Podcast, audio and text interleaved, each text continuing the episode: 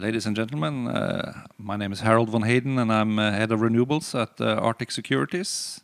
We will now hear an edited taping of the debate on carbon markets that took place at the Arendalsuka.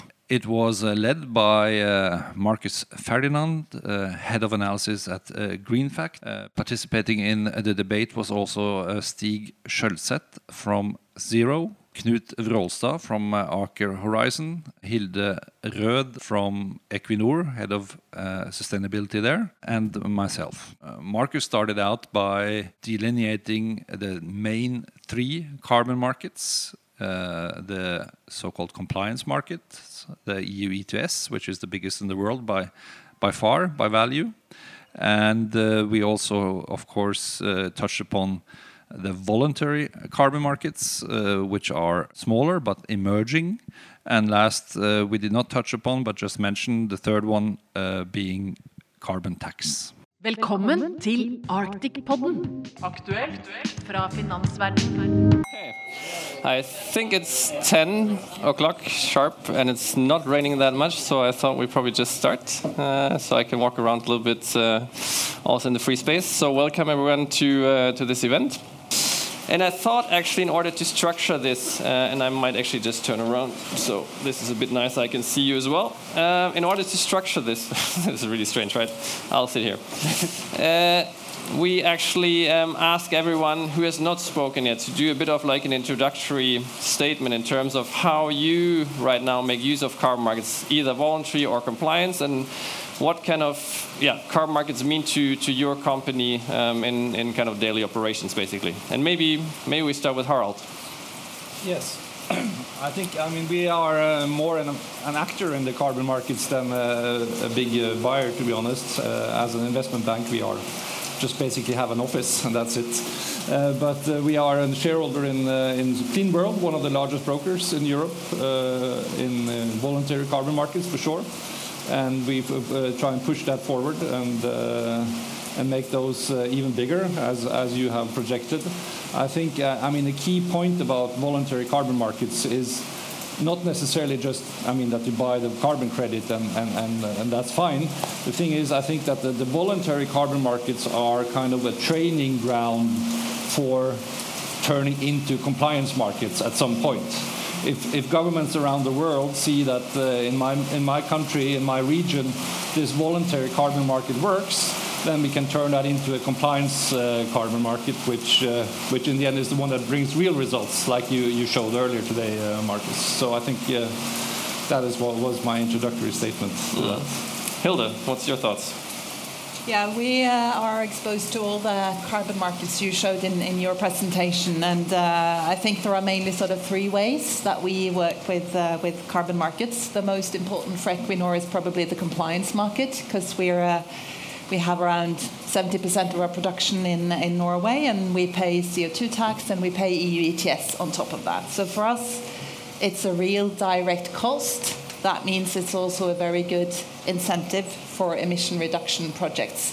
So we uh, we have this as something that we calculate into investment decisions.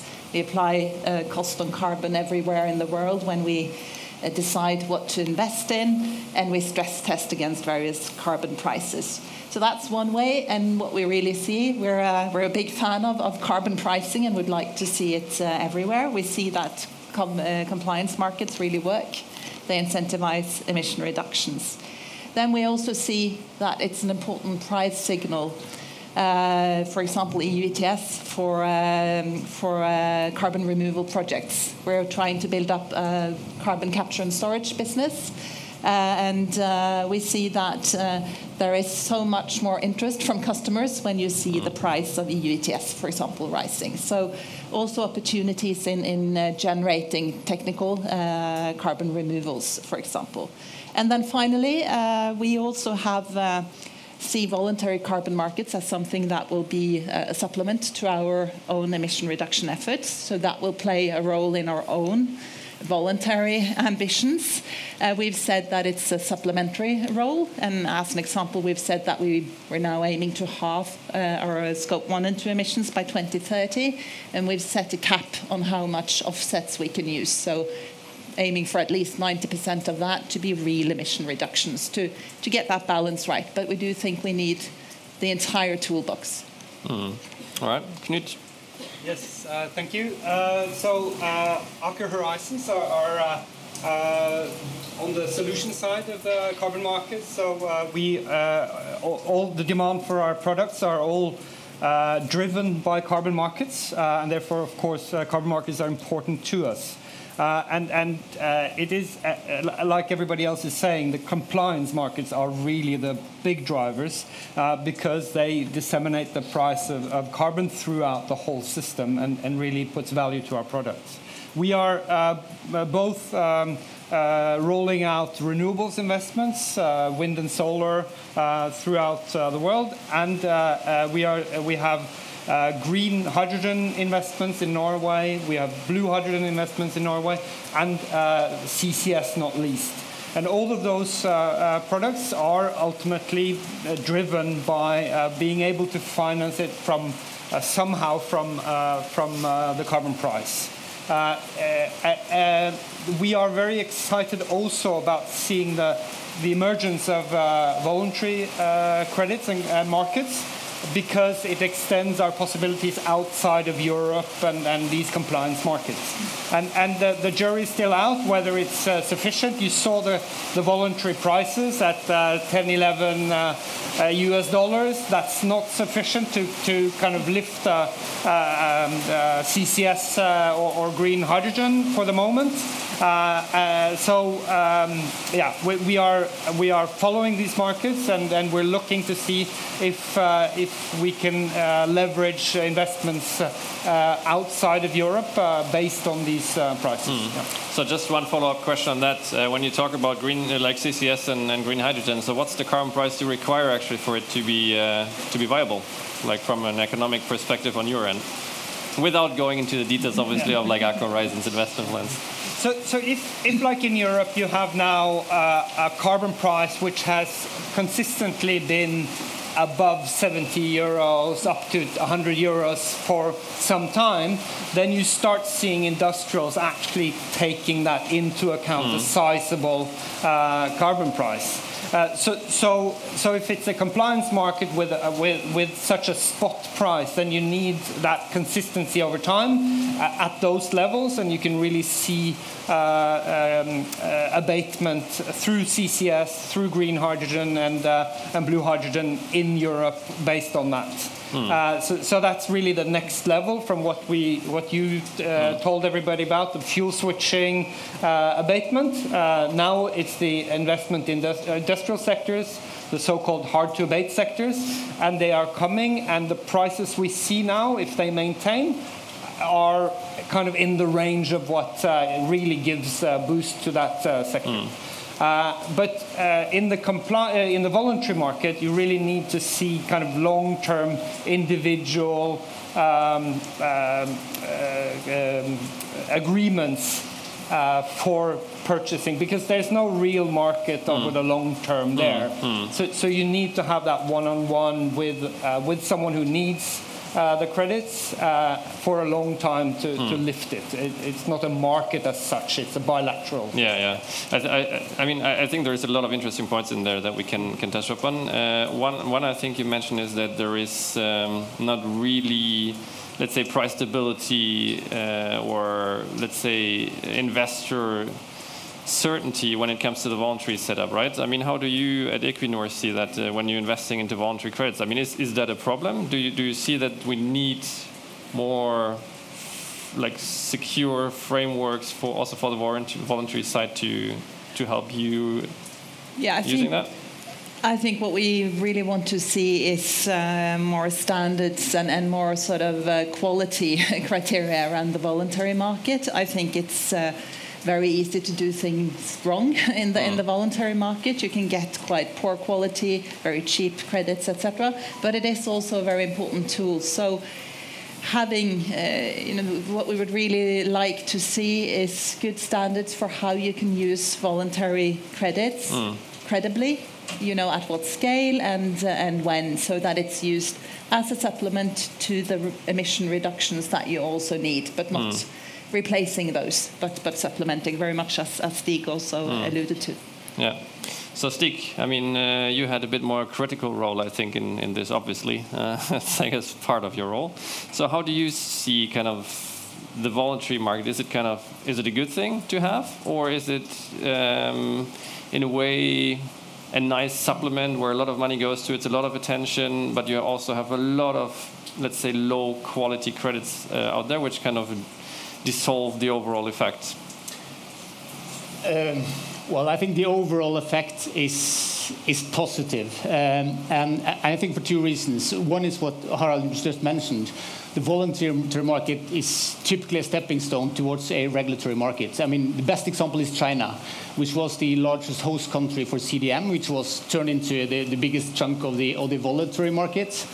Now China have a nationwide regulatory markets, and prices are still relatively low. But you know, even if with a, a relatively low carbon price in China, uh, you'll have a huge impact. And if it goes up to say 10, 20 dollars, it will have an enormous impact in China. Hmm. So I think this is this is a, like a, a, proof that the voluntary market has an, an, an impact in sort of maturing uh, towards a, a regulatory market. And the second point is that uh, well, we need obviously more standards, but what you see in the voluntary market is that it will likely for the next years be a main driver for carbon removals, which is uh, a climate solution we need. We need in large scale, and currently there is no like policy or business model to make it happen in any other way.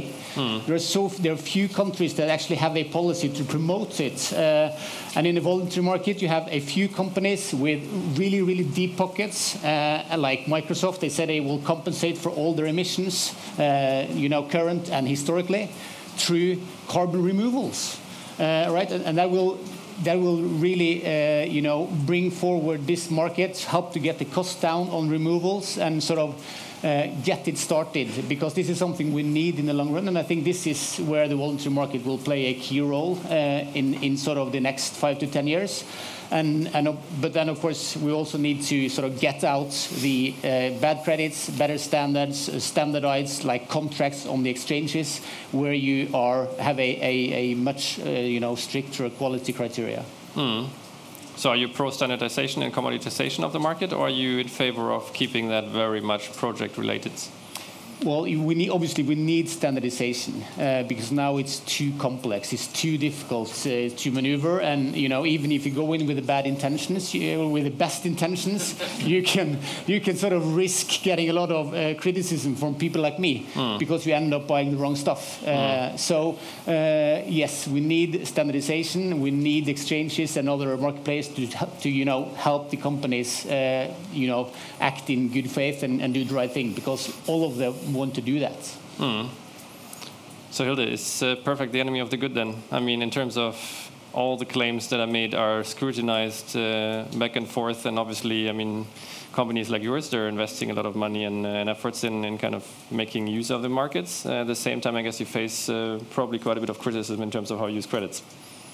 Well, I think there is a risk that the perfect could become the the enemy of the good if uh, if you set the standards so high that you know a lot of sectors, hard to abate sectors, for example, are not allowed in a way to participate at all because mm. we do need the financing and we do need uh, you know to, to finance various types of projects. I would say that in addition to the carbon removals that we certainly need there is also a very urgent need to actually, for example, finance uh, forest protection over the next few years, even if it's not a carbon removal. And that's mm. where I think we might need a bit of pragmatism so that you know maybe for the next years uh, carbon financing avoidance projects could also be okay fire forest protection but I do think uh, what we need is uh, also transparency you know as long as you're transparent about the type of carbon credits you use and what you use them for and how you account for it, I think we can have a bit of flexibility, but clarity on, on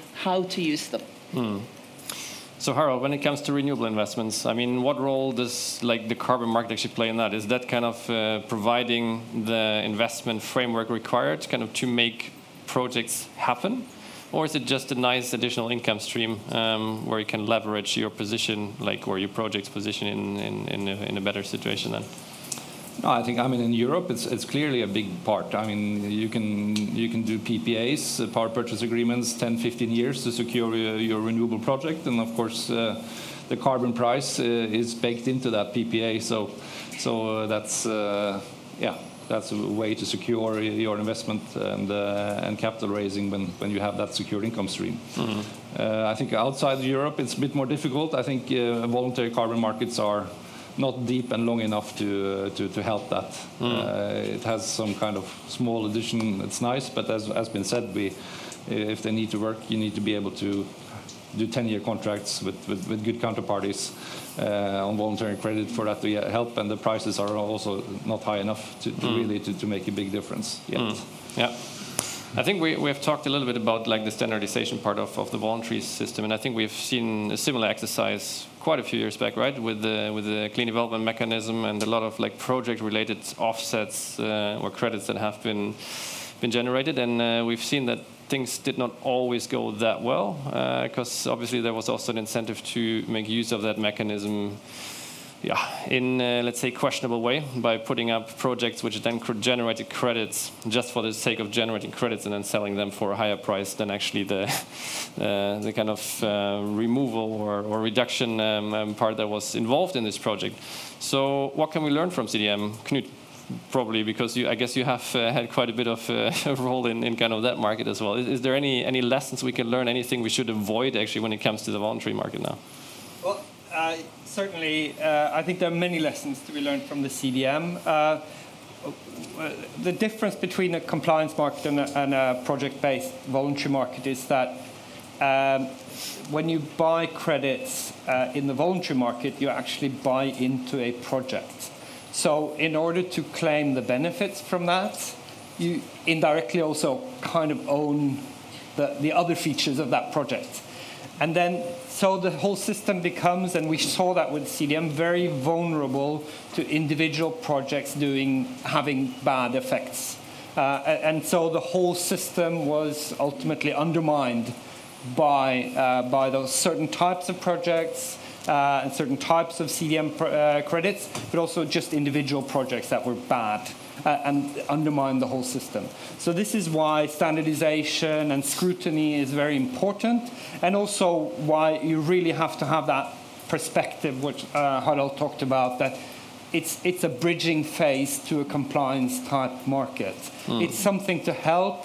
It's always good to throw or, or send money towards good projects, but ultimately also that it becomes very difficult to claim a ton for ton um, direct link mm. because you're not just sponsoring some kind of good cause as a corporate. You're actually claiming that this project reduces my own emissions by a ton. So if there are some questions to be uh, to be said about that statement. Uh, you know, uh, will certainly ask that question, and, and the whole. Yeah. So, so you need, yeah uh, you, you need to be super uh, rigorous. Uh, you probably need to limit, like what uh, Zero and PVC is proposing, the types of projects that are uh, good and, and acceptable, uh, and, uh, and you need to have that kind of perspective towards compliance markets as the ultimate goal. Yeah. Mm. Okay, so from what I hear from you, I guess, is that you project kind of a at least kind of a much larger spread between credit qualities in terms of pricing um, and acceptance. And you see that already. Mm. Uh, that is the name of the game now. You yeah. have very high prices for removal projects and, and, and very low prices yes. for kind of renewables or, or others. Mm. And, and, that's reflecting that. Yeah. Yeah, no, that makes sense. Um, I mean, I, I, know that a lot of companies, I think including yours as well, Hilde, they are obviously trying to in a way protect their investments against future carbon price developments by applying so-called internal carbon prices, right? So you basically have an internal reference price. What do you expect the carbon price is going to be in the future, mm-hmm. which is informed, I guess, by what's happening out there in the market, but you have your own kind of, let's say, storyline um, attached to that. Can you explain a little bit how, how that works at Equinor and how you use that for making investment decisions? Yeah, so we have uh, we apply an internal carbon price of around fifty-five dollars per ton everywhere in the world, also where there is no carbon market, and we've seen that that's quite useful as a sort of proxy for uh, various types of carbon regulations. Uh, you know, whether it's a direct carbon tax or other types of, of uh, carbon regulations that will be be needed. So that's something that both it's both a sort of robustness criteria when you make investment decisions, but it's also important uh, when you assess what kind of emission reduction pro projects you can do. When you can actually apply a carbon price, you strengthen the business case. Mm. Uh, so we've chosen to do that everywhere in the world. Of course, in Norway and, and parts of Europe, the actual uh, price on carbon is even higher, and then we use that uh, forecast. And we also stress test against for example, net zero scenarios of the IEA and use, use the prices in those scenarios. So for us, it, that's, that's a bit of risk management, but it's also building uh, business cases for you know, evaluating emission reduction projects. So uh, a, price on carbon is something that works very well for companies because uh, it gives a price signal. Mm. Yeah, no, uh, that's uh, that's interesting insights. Are you any of? I mean, probably not Stig, but you at Aker Horizons, are you also applying an internal carbon pricing methodology? Uh, no, uh, we no because we're looking at each in, in investment individually and uh, seeing what we uh, believe we can claim uh, or, or, obtain as uh, pricing, either indirectly through the market because uh, the carbon prices is in EU, or uh, in direct contracts outside of EU. So mm. we, we don't have our we have our view on the EU ETS certainly, but yeah. Yeah. So Stig, internal carbon price or kind of market forces? What's your What's your stake? Uh, well, I think internal carbon price is, you know, is part of a sound business strategy for any company that's investing, right? It's, it's, I think that's pretty commonly used now. So you need to do that, uh, but of course you also need to, to you know, uh, do market analysis in the markets where you operate uh, to to you know have an informed view of what the carbon price will be. And uh, you know I've been in the business trying to predict carbon prices myself together with markets for a couple of years. It's quite uh, difficult, uh, but you know um, as climate policies get stricter and stricter, ambitions get higher, we need to reduce more emissions. It's it's a pretty safe guess that there will be higher carbon prices in more regions of the world, and we need that. Uh, then I think I, I, go in with my final question um, before we close the session. So we've heard a lot about like a fragmented setup of carbon markets. I mean, there's lots of compliance markets around. There is tons of voluntary setups. There is attempts to standardize voluntary um, with different initiatives right now. I heard a lot about standardization is required, uh, pre like predict like predictability is required from like an investment perspective. So what's your what's your kind of ideal scenario on how, how car markets converge? What's like your best practice advice for policymakers if you had one shot on how to actually make this happen? Maybe we start with Harald. Yeah. No, I think, uh, of course, ideal is a global carbon market, uh, a liquid carbon market, which covers basically more or less everything, uh, and uh, where, where private persons can trade just as you can trade on your uh, stocks uh, on some internet-based platform. You can buy and sell carbon markets credits. that, that I think would be the end, most efficient solution to the problem. Uh, of course, I mean market-based solution. I mean that's we haven't really said that, but I mean at the very bottom of all all this is that the assumption that the market-based solution is the right solution for, for, for this problem. And I mean, look at the power markets. Uh, as, as soon as the prices reach, reach a certain point, uh, people who in, in most other sectors believe in market-based solutions suddenly don't believe in market-based solutions for power anymore. Uh, is the is the, is the kind of that belief uh, strong for for the carbon markets? Uh, mm. uh, the prices seem to suggest so, but uh, I think, of course, that that is the long-term goal, and but we, we need to not uh, not make any of the mistakes, for example, that the CDM market uh, did in the past, uh, and so on. And it, it, needs to have a certain time frame to grow. I mean, don't forget that the, that the EU ETS, which is now seen as a success, for the first 10, 15, 10 years at least, was not seen as a success. So uh, it took a long time coming, right? And uh, Yeah, yeah. fair reflection. Knut? Yeah, well, uh, I would like to point out uh, the new feature of the EU ETS, which is coming, which is called the CBAM, the Carbon Border Abate- uh, Adjustment Adjustment Mechanism, uh, where uh, where the EU ETS is saying if we have a carbon price, then we cannot import products that. Uh, that come from regimes where the carbon is not being priced, uh, and and that would not be a level playing field. So we apply uh, uh, some kind of a tax to those pro- products.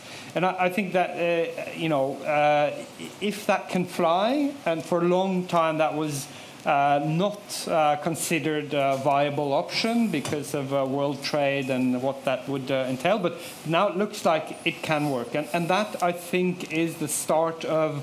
Uh, a spreading of carbon markets, at least, uh, along with other things. So, so I think uh, you need uh, countries to apply their own policies for their own markets, uh, but but you also need uh, them to be able to protect their markets somehow in this way, and that I think can help uh, spread the carbon markets. Yeah. Okay, so that's protection export, which I guess is a bit more on like the one the fragmentation side, I think, compared to Harald's uh, view. Hilde, Yeah, I think uh, what essentially we need is a high enough price on carbon, ideally everywhere in the world for all sectors. That's politically very difficult, but it, it works and it makes it enables the market to do what it can for climate. So any type of market that supports that, I think it could be compliance, it could be voluntary, but the key is really that you need the price level to be high enough that you, you still incentivize emission reductions as the main tool and, and uh, offset type of credits as a supplement. So, uh, so markets, I think, can definitely work and play an important role, but we need to avoid the previous EU ETS experience or CDM uh, experience where basically the price is too low. yeah. All right, Stig, last but not least. Yeah. Well, of course, the a global carbon price is, is sort of the perfect solution, but it's also the, the, the perfect solution for inaction because we won't have it. So we need to keep improving the existing markets. Uh, that is happening in Europe, it's happening in the regional markets in the US, and it's happening in China.